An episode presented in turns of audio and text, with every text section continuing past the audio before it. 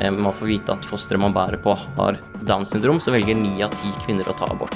Som du er inne på, Simen, så er abortnemndene eh, mistillit til kvinner satt i system. Jeg, jeg mener at liksom den høyre-venstre-aksen i norsk politikk egentlig er litt utdatert. Og da Frp gikk inn i regjering, da meldte jeg meg inn i SV. Jeg vet ikke om det var ment som en diss, men vi tok det i hvert fall som, et, som et stort kompliment. Her er Stavrum og Eikeland, en podkast fra Nettavisen. Synnøve Snyen, leder av Sosialistisk Ungdom, og Simen Bondevik, leder av Unge Sentrum. Det er særlig tre ting dere er uenige om. Nato, EU og abort. Synnøve, du vil ha Norge ut av Nato. Hvorfor det? Det har jo blitt uh, mye debatt om det i det siste, og jeg syns jo den debatten som har vært om Nato-standpunktet til SV, har jo til dels også vært litt uh, underlig. For uh, det vil jo kanskje overraske mange da, at SV har jo aldri foreslått på Stortinget å ta Norge ut av Nato. Selv om det har vært politikk som man har hatt i partiet lenge. Og det har jo vært eh, nettopp fordi man ønsker å bygge opp et alternativ til, eh, til Nato før man eh, liksom melder Norge ut av Nato over natta. Det er det ingen som har tatt til eh, orde for, så det syns jeg det er viktig Men å oppklare. Alternativet til Nato, det er Vi har jo sett for oss og pekt på å ha en nordisk forsvarsallianse. Og nå som det ser ut da, til at Sverige og Finland er på vei inn i Nato, så ser jo vi egentlig på det som en mulighet for å ha et enda tettere forsvarssamarbeid med de nordiske landene. Eh, og nettopp for å være mindre avhengig av eh, USA. Men tror du Putin blir redd av Norge, Sverige og Finland? En av grunnene til at vi også har pekt på liksom, Nato som en utfordring for eh, Norge, er nettopp fordi Nato har stilt en del krav til hva som skal være norsk forsvarspolitikk, som ikke er den beste forsvarspolitikken for Norge. F.eks. så har man jo lagt ned store deler av Sjøforsvaret. Det vil jo vi eh, bygge opp igjen. Så vi har brukt eh, milliarder av kroner på jagerfly fra USA som vi ikke engang har råd til å fly og vedlikeholde, fordi man har prioritert pengene feil. Så vi vil styrke eh, Norges forsvarsevne, eh, men problemet er at man har brukt opp pengene på ting som USA vil ha, som ikke er det beste for Norge. Simen, øh, er øh, Synnøve og Sosialistisk Ungdom naive her? Kanskje litt. Eh, jeg tenker jo at vi, altså norsk Nato-medlemskap er utrolig viktig for sikkerheten i landet vårt. Og jeg er også generell, på generell basis fan av internasjonalt samarbeid. Altså Det er veldig mange ulike saker hvor vi trenger løsninger utover Norges grenser. Klima er en av de sakene, innvandring er en av de sakene, forsvar og sikkerhet er også en av de sakene. Og så tenker jeg litt sånn at eh, SV har kanskje ikke foreslått det på Stortinget, men har det jo i programmet sitt. Eh, og sentrum er veldig for Nato og tenker det er viktig, så det er en stor forskjell på SV og sentrum. Og så tenker jeg litt sånn at eh, nå kan det jo kanskje virke, eller i hvert fall det har vært en debatt internt i SV rundt man skal, eh, hvordan man skal angripe Nato-spørsmålet. Og jeg tenker jo litt sånn at eh, hvis forsvarspolitikken din ikke holder i krisetider, da holder den ikke mål generelt også. Da. Mm. Men, men dere er jo da for EU-medlemskap? Nei, vi er for EØS-avtalen. Ja. Mm. Vi har ikke vedtatt at vi er for eh, norsk EU-medlemskap. Men du personlig er for øh, EU-medlemskap? Eh, Jeg personlig syns at EU-debatten er en veldig interessant debatt. og Det har skjedd veldig mye de siste årene som gjør at man kanskje må tenke litt nytt på det. Det er jo veldig lenge siden sist man fikk tatt eh, stilling altså, altså sånn Min generasjon har ikke tatt stilling til EU-spørsmålet. Eh, Men sentrum har vedtatt at vi er for EØS-avtalen, og det er jo pga. økonomien vår. Altså 80% av de varene som Norge eksporterer, det går til det europeiske markedet. Eh, Så jeg syns EØS-avtalen er veldig veldig viktig, og den er det viktig å holde fast på. Det er kanskje litt der debatten står i dag, da. Men, men det er jo mange som øh, er for EU Mm. pga. fredsprinsippet. Uh, er det et godt alternativ til Nato? Uh, EU? Nei, jeg tenker ikke at man skal erstatte Nato med EU. Jeg tenker Nato-medlemskap skal man holde fast på, for det har veldig mange fordeler å samarbeide. Og det har vi jo sett nå med det som skjer i, i, med Russland og Putin, eh, at vi trenger Nato. Vi ser jo nå hvor tydelig Vi ser veldig tydelig hvor viktig det er. Eh, og jeg tror ikke EU er noe alternativ som skal erstatte det, men vi må holde fast på EØS-avtalen, ikke sette den i spill. Det er viktig for økonomien, men det er veldig også viktig for eh, distriktene i Norge. Eh, EØS-avtalen er kjempeviktig. Ja. Og EU og Sosialistisk Ungdom, det er no go, er det ikke det? Ja. Nei, vi har alltid vært eh, motstandere av norsk EU-medlemskap. Mm. Ja, Hvorfor det? Det handler om at EU har eh, blitt en eh, aktør og en institusjon som er så udemokratisk at vi eh, ikke mener at den er liv laga. Man ser jo f.eks. i land som Frankrike at det er en enorm mistillit til det politiske systemet og til folkevalgte. Og det handler jo også bl.a. om at makt flyttes lenger og lenger unna folk. Og når man konsentrerer enda mer eh, makt i, i Brussel, så flytter jo det makt fra lokalsamfunn og folkevalgte til en politisk elite i eh, Brussel, hvor man ser at eh, en gang de som man kan stemme på i Brussel eller i EU, de har jo ikke engang forslagsrett. Sånn at det er en del demokratiske problemer med EU som er så alvorlige at jeg tror man risikerer en enorm mistillit til demokratiet. Og det er så viktig for oss at vi eh, ikke ønsker å sette det i spill. For oss så har jo alltid dette her handlet om at vi er for internasjonalt samarbeid, men verden er større enn Europa. Men når man ser den konflikten eh, og krigen i Ukraina, eh, viser ikke det at internasjonalt samarbeid, internasjonal, medlemskap i internasjonale organisasjoner hjelper. Altså, tenk nå hvis ikke EU hadde hatt nå masse av disse østeuropeiske uh, tidligere østeuropeiske landene som mm. medlem. Kunne ha sett helt annerledes ut nå, den mm. sikkerhetspolitiske situasjonen. Mm, absolutt. og vi ser, vi ser, virkelig viktigheten av å ha overnasjonale institusjoner som jobber sammen på viktige saksfelt. og Det ser vi f.eks. også med at Sverige og Finland nå blir med i Nato. og Jeg er veldig glad for at SV ikke går like langt som det Rødt gjorde. De stemte jo mot på Stortinget å la Sverige og Finland bli med i Nato. og det ja, det syns jeg var en veldig, veldig dårlig, dårlig, vurdering. Altså Det er ting som kan bli bedre med EU. Det er sikkert noe forbedringspotensial i EØS-avtalen. Det er noe forbedringspotensial i hvordan Norge kan jobbe internt i Nato. Eh, men det betyr ikke at vi skal sette disse tingene i spill. Jeg mener heller at da må vi heller jobbe innafor de strukturene som allerede finnes, for å gjøre de enda bedre. Mm. Og jeg syns egentlig de funker ganske bra i utgangspunktet, alle de tre. Altså Hvis man da skal reforhandle uh, Det er jo egentlig det er snakk om å reforhandle EØS-avtalen og få en litt mindre avtale. Hvorfor skal de gå med på det? Fordi de også har interesse av et tett samarbeid med Norge, fordi vi er en del av Europa. Eh, så det syns jeg er rart, det er jo på en måte å ha en, eh, en idé om at EØS-avtalen er liksom det eneste, eneste, som kan fungere. Og det er jo en, en gammel avtale, mye har skjedd siden, eh, siden, da. Og jeg tror det er en mulighet for å se på den på nytt. Ja. Men det, jeg skal bare skyte inn ting til slutt, at det er absolutt mulig å se på, se på forbedringer. Og, men det, jeg syns jo dette er veldig viktig saksfelt å diskutere. og Det, det er jo ikke noe hemmelig at, at sentrum og SV er enige om ganske mye på ganske mange saksfelt. Når, når jeg snakker med liksom velgere som, som, kanskje heller kommer til oss, da, så er det nettopp det de trekker frem, synet på internasjonalt samarbeid. Og jeg syns det er litt synd en tendens til å sitte i flere norske partier, eh, kanskje spesielt i Senterpartiet, hvor man stadig går mer proteksjonistisk og bare snakker om liksom hva som skal være best for Norge. Men jeg mener det er viktig å se utover det, og se utover våre egne landegrenser. og nettopp derfor så er EØS og Nato kjempeviktig. Ja, men det, det syns jeg er litt rart òg, at man har en sånn klokketro på at, eh, på at, Nato er liksom løsningen for verdensfreden. Det tror ikke jeg. Eh, Nato er en, en organisasjon som eh, forbeholder seg retten til å bruke atomvåpen først. Eh, det er, ville hatt de, altså forferdelige konsekvenser for menneskeheten. Og jeg syns det er spesielt at man har liksom trua på at eh, Nato, liksom, med Donald Trump i spissen, hvis han blir gjenvalgt som president i USA, er det som skal være bærebjelka i det internasjonale samarbeidet. Fordi verden er ikke lik som den var når Nato ble stifta. Og det må man også ta inn over seg når man diskuterer hvordan man skal samarbeide, både om forsvarspolitikk, om handelspolitikk, om eh, asyl- og flyktningpolitikk klima og miljø. Verden ser annerledes ut i dag, og de prinsippene som ligger til grunn for, for Nato, for EU, hadde trengt en, en stor rengjøring. Men det er jo greit å ha den nå, da er det ikke det? Det gir litt trygghet. Du sover litt bedre om nettene nå, gjør du ikke det? Jeg har ingen planer om å ta Norge ut av Nato over natta, som jeg har sagt mange ganger i denne podkasten. Ja. Ja. Ok, eh, så da har vi diskutert mye EU og Nato. Eh, abort, eh, der er dere også uenige. Kanskje ikke vanvittig uenige, men dere er uenige. Og da går det da at regjeringa vil gjennomgå abortloven. Mm. Og i dag så er det sånn at i Norge så er det selvbestemt abort inntil tolvte uke. Uh, og hva er ditt syn der, uh, Simen? Mm.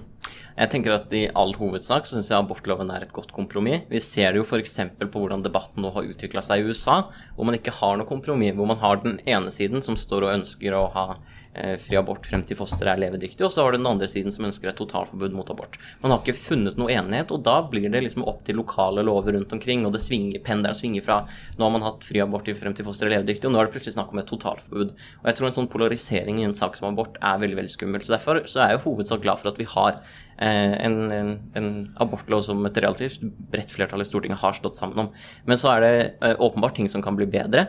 Eh, både jeg og Sentrum er jo for å se på alternativer til dagens abortnemnder, fordi veldig mange kvinner opplever det som å nærmest møte liksom en domstol hvor det skal sitte andre og liksom fortelle deg om du kan ta abort eller ikke. Det, det syns jeg er en dårlig idé. Eh, men så mener jeg også, da, og det er kanskje der uenigheten med SV spiller inn, eh, at jeg mener jo også at fosteret skal få gradvis styrket rettsvern utover i svangerskapet. Og da er det naturlig å ha en abortgrense ved uke 12 eller 18 f.eks., men jeg syns jo kanskje at SV går litt langt. Nå husker jeg ikke akkurat hva som står i programmet, men om det er frem til fosteret er levedyktig eller uke 22, det syns jeg blir for langt. Ok, Og du Synnøve? Ja, nei, jeg syns at det er viktig å ha et prinsipp om at kvinnen skal ha rett til å bestemme over egen kropp. Og som du er inne på, Simen, så er abortnemndene eh, mistillit til kvinner satt i system. Og eh, hvis, hvis, man liksom skal ha abortnemnder Jeg syns det er rart da, å si at man skal være for abortnemnder etter uke 18, for alle aborter som gjennomføres etter uke 18, er eh, aborter som eh, f.eks. hvor fosteret mangler hjerne eller lunger eller ikke er levedyktig utenfor mors mage. Og det å, eh, skulle, liksom det å møte, måtte møte i nemnd er jo også en forsinkelse. Da får du ta abort seinere. Eh, så jeg syns ikke det er en, en, god løsning i det hele tatt. Og det er det også veldig mange eh, leger og sykepleiere og jordmødre som er enig med oss i. At dette er forsinkende, det er stigmatiserende, og det er eh, belastende for de som opplever det.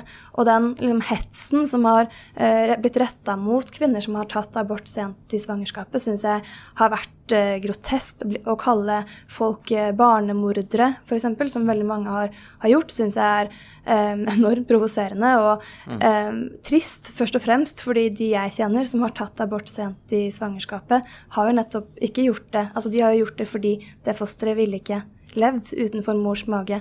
Og de har jo markeringer og begravelser og det ene og det andre. Og det man jeg syns det er synd da, at man ikke har mer tillit til eh, kvinnen og familien som er i den situasjonen.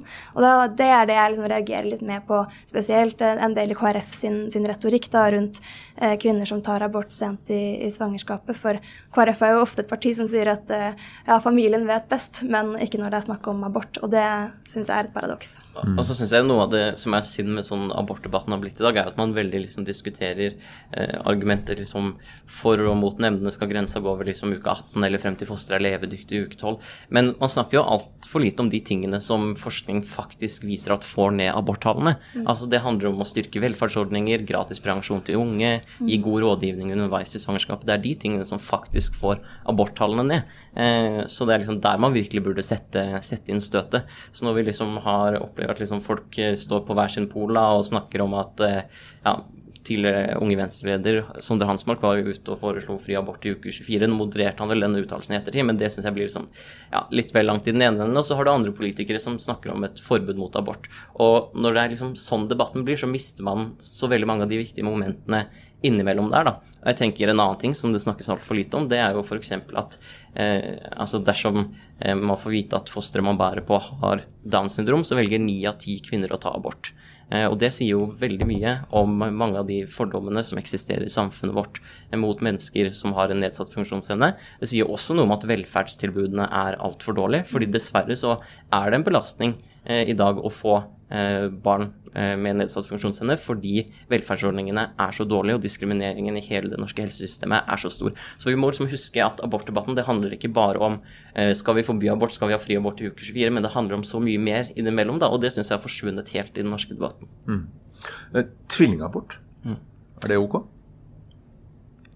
Jeg mener, eh, mener, det. Og så heter det jo ikke tvillingabort, det heter fosterreduksjon. Eller fosterantallsreduksjon, fordi de aller fleste tilfellene er jo ikke snakk om til, tvillinger, men flerlinger. Tre, fire, fem fostre. Og det mener jeg eh, må være opp til familien selv om eh, de skal velge eh, det eller ikke. Og så skjer det jo også at man bærer frem f.eks. eller er gravid med tvillinger, og så viser det seg at den ene f.eks.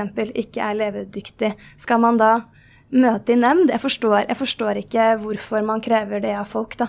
For det skaper bare en, et bilde av at uh, du ikke vet hva som er moralsk riktig.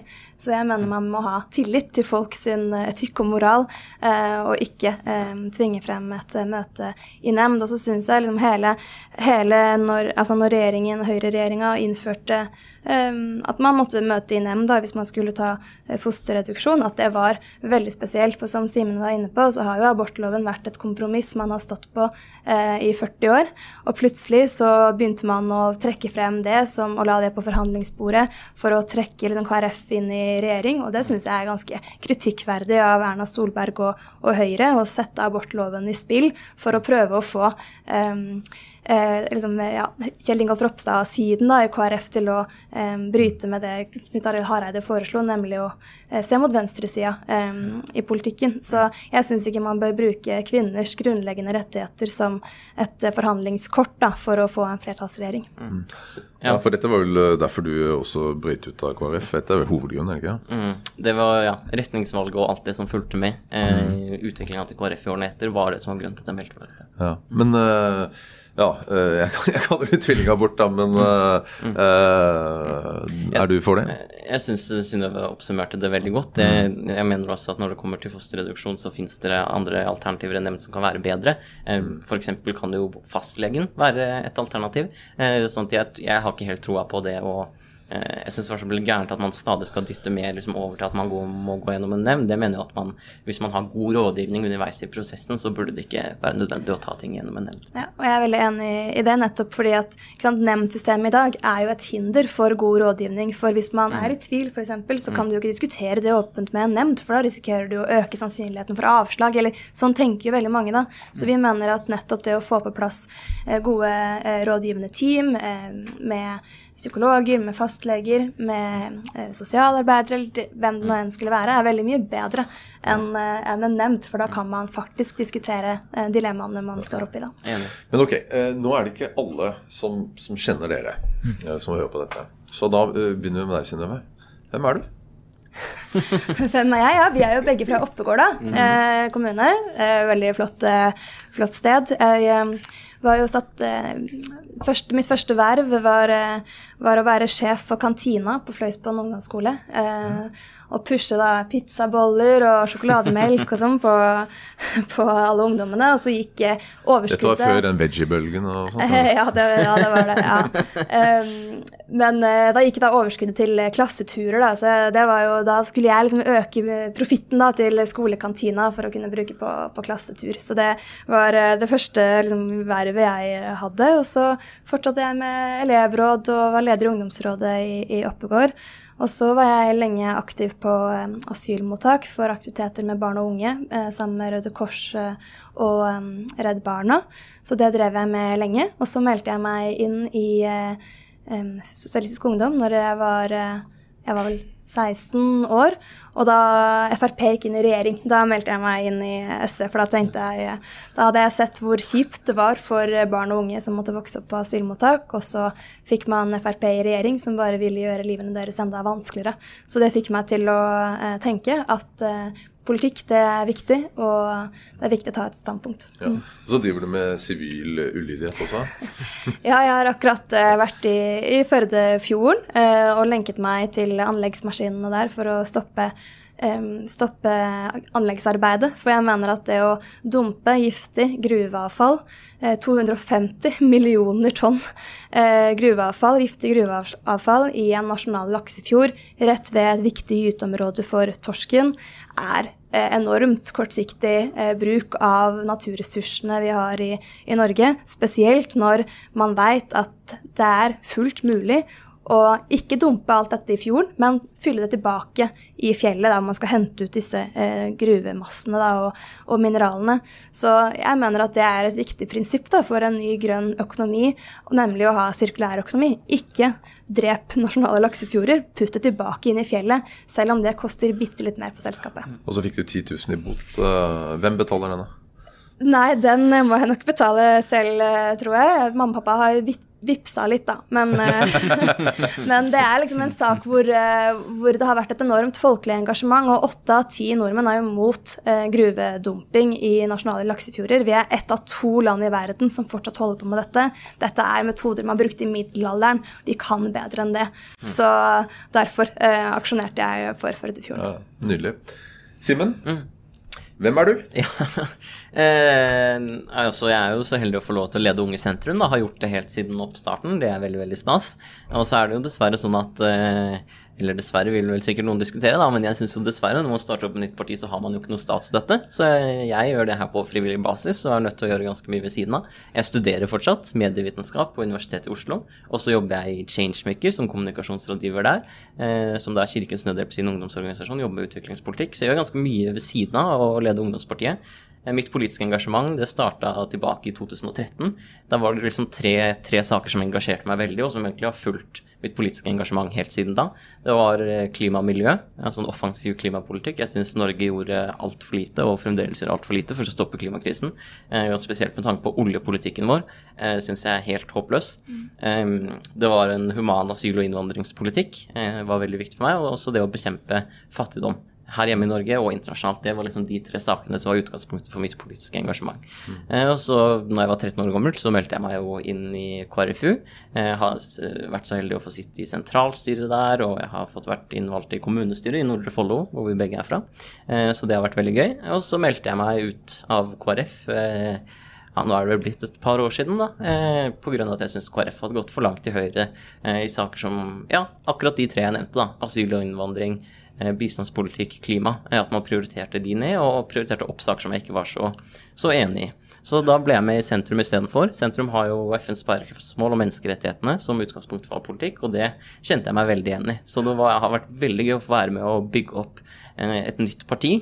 Eh, det tar tid. Eh, det er slitsomt. Vi fikk 0,3% ved stortingsvalget. Første, første, gang MDG stilte valg, fikk de 0,4. Sånn at vi er på en måte on track til å klare å, å, bygge oss opp, men det tar tid. Nå har vi fått litt statsstøtte, så vi har begynt å få en generalsekretær vi har kunnet ansatt. og liksom, Det går sakte, men sikkert fremover. Men å, å, å, bygge opp et nytt parti er vanskelig. Det er jo sjeldent at sentrum, Unge Sentrum blir invitert til arenaer som dette her. Så det syns jeg er veldig stas når vi får muligheten til å komme og snakke om politikk. Jeg ser det, men, men jeg hører de sakene du brenner for og, og sånt. Hvorfor trengte du egentlig å starte et nytt parti? Altså, Du høres ut som en sosialist. ja, men dette handler om kombinasjonen av flere saker. ikke sant? Nå har vi allerede vært inne på flere av forskjellene mellom sentrum og SV. Og det er det, jeg, jeg mener at liksom der, den høyre-venstre-aksen i norsk politikk egentlig er litt utdatert. Altså Den eneste den kanskje gjelder på, er liksom velferdsstat eller skatter. Men hvis du ser på klimasaken, eh, hvis du ser på internasjonalt samarbeid, hvis du ser på minoriteters rettigheter, så er det all over the place hva de forskjellige partiene mener. ikke sant? Med, altså Klimapolitikk, så er jo de fleste partiene på venstresiden like dårlige som partiene på høyresiden. sånn at det er Jeg mener at den aksa er litt utdatert, så det å få lov til å være å bygge opp noe nytt Og så handler det jo ikke altså det kunne jo kanskje, Man kan jo se at liksom når nye partier kommer, så lykkes man fortere hvis man sier å, det er liksom én sak, et ensaksparti. Men da går man veldig fort opp og veldig fort ned. ikke sant? Men nå når vi har en bredde av saker som vi jobber for, så går man litt litt saktere opp, men det er litt mer bærekraftig. da. Kjøper den. Men uh, det var en sak som du brenner for, som jeg vet også du uh, brenner for. Men vi mm. begynner med deg. Uh, millioner av barn er på flukt. Mm. Gjør Norge nok med å ta imot barn, folk i nød? Mm. Nei, på ingen måte. Eh, og jeg var jo veldig stolt av en av de karakteristikkene Sentrum fikk. Når partiprogrammet vårt var lagt frem, så skrev Vårt Land at eh, vi hadde et Norges mest liberale asyl- og innvandringspolitikk. Jeg vet ikke om det var ment som en diss, men vi tok det i hvert fall som et, som et stort kompliment. Og jeg syns jo det er veldig synd at norsk asylpolitikk har blitt en litt sånn strenghetskonkurranse. Alle de store partiene snakker om hvordan man skal liksom stramme inn, og at man må være strenge og regulere og passe på. Eh, og jeg er helt enig i at man skal jobbe for en god integreringspolitikk, f.eks., men jeg syns at Norge kan gjøre veldig veldig mye mer enn det vi gjør i dag. Altså, er det én ting som jeg liksom virkelig fikk fikk liksom fra typisk folk på høyresida, men også andre, da, kom innom til sentrumsstand. Det var sånn Ja, dere står for mye bra, men 10 000 kvoteflyktninger, det er helt uansvarlig, som vi har i programmet vårt. Men så ser vi jo nå, da, når det skjer eh, skjedd grusomme ting i Ukraina, så har jo Norge kapasitet til å hjelpe veldig mange flere enn det vi har gjort. Eh, og jeg syns det er synd at det må liksom Det må en krise til for at Norge skal vise den internasjonale solidariteten virkelig på alvor. Så at vi skal ha mer liberal asylpolitikk enn vi har i dag, det syns jeg er kjempeviktig. Jeg regner med du er enig? Ja, jeg er helt uh, enig. Og så er jeg veldig glad for at uh, Norge og mange andre land i Europa har tatt imot ukrainske flyktninger med åpne armer. Og man har jo endra veldig mye av vår uh, asylpolitikk etter Ukraina-krigen. Men jeg håper at det kan være en ny standard for hvordan man behandler folk på flukt. For det avdekket jo veldig tydelig at sånn her ville man ikke behandla eh, noen fra Europa. Eh, så jeg håper at man eh, nå kan få en ny start eh, på en måte som Ja, at man har en asylpolitikk som ivaretar rettssikkerheten, barns mm. rettigheter, eh, og det er viktig for oss. Det, det er jo bare et eksempel på altså Jeg er veldig enig med deg, og et eksempel på at det dessverre kanskje ikke har skjedd helt sånn som vi skulle ønske. At det er flere mottakssentre som har blitt bygd for å ta imot ukrainske flyktninger. Og så viste det seg at eh, nei, man trengte ikke å ta imot ukrainske flyktninger der. Og istedenfor å bruke de ressursene man allerede hadde bygd, bygd, opp til å ta imot andre Altså det er millioner av mennesker på flukt i verden. Så istedenfor å bruke de ressursene vi allerede hadde bygd opp, så brukte man penger på å legge ned mottakssentrene. Og det er jo helt idiotisk. Ja, for, for, vi snakker om at det er over 80 millioner mennesker på flukt, og mm. av de så er det i hvert fall halvannen som er barn. Mm. Eh, så det, det er jo mange med det er behov for eh, masse plasser. Men vi tok imot i Norge ca. 5000 mm. nye asylsøkere i fjor, tror jeg, som vi aksepterte. Litt i underkant. Og så de var nesten 3500 såkalte kvoteflyktninger. Um, hvor mange bør vi ligge på i et normalt år, se bort fra Ukraina? Sett bort fra Ukraina, så har jo sentrum vedtatt i programmet vårt at vi ønsker 10 000 kvoteflyktninger i året. Og det må da komme i tillegg til folk som, som søker, uh, søker asyl på andre måter. Mm -hmm. Jeg syns det er helt umulig å sette et uh, tall uh, sånn uh, på, på, rappen. Men mm. For det handler jo om hva som er behovene rundt omkring i verden. Og jeg syns jo Ukraina-krigen har jo også vist at man kan egentlig ganske lite om verdens flyktningkrise rundt omkring i, i mm. verden. Og jeg Ja, nei, jeg syns man må ha en mer helhetlig eh, politikk på asyl- og flyktningpolitikk, nettopp ved å eh, både eh, gi mer penger til FNs høykommissær for flyktninger, finansiere flyktningleirer i Palestina og andre steder i verden. Eh, og så må man også eh, ta imot langt flere. Eh, for som Simen sa i stad, det har blitt et liksom, kappløp mot bånd, hvor det er om igjen å ta imot færrest. Mm. Og da får man ikke en solidarisk politikk overfor folk som Mm. lever helt uh, vanvittig vanskelig liv. Og Moria for eksempel, er jo et mm. eksempel på det. Når det brant i Moria, barn uh, fikk så forferdelige bilder av barn som løp fra telt som sto i brann, at det tok altså, mange måneder å få regjeringen til å ta imot 125 mm. Hvor mye var det? Var det 50? Ja, 50, 50 var det. Ja, fra, altså, det er tull, liksom. Vi har plass i Norge til å bidra til å evakuere Moria. Men når. Norge ikke stiller opp, så stiller heller ikke andre land i Europa opp. Altså, det, dette er et kollektivt ansvar. Uh, men har. den sittende regjeringen de kutter jo nå var det 4 milliarder fra FNs uh, bistands... Uh vi har heldigvis fått reversert da, veldig mange av de ja. kuttene som, eh, som, regjeringen la opp til. Og det syns jeg virkelig var en skam og en stor overraskelse for mm. Eh, at Arbeiderpartiet og Senterpartiet la opp til så store uh, kutt i, i FNs uh, organer. Mm. For uh, Ukraina-krisen, og også eh, etter ja, to år med pandemi, så er det, har man en global krise ut av dimensjoner som man ikke har sett lignende til. Og det å svare med at nei, nå skal vi kutte i å sende mm. ja, kutte i bistand, sende regninga til verdens fattigste, mm. syns jeg var enormt smålig. Det er helt feil måte å møte på. Altså, eh, SV klarte å få reversert veldig mange av kuttene, men ikke alle. Men det, var, det er ikke SV sin feil.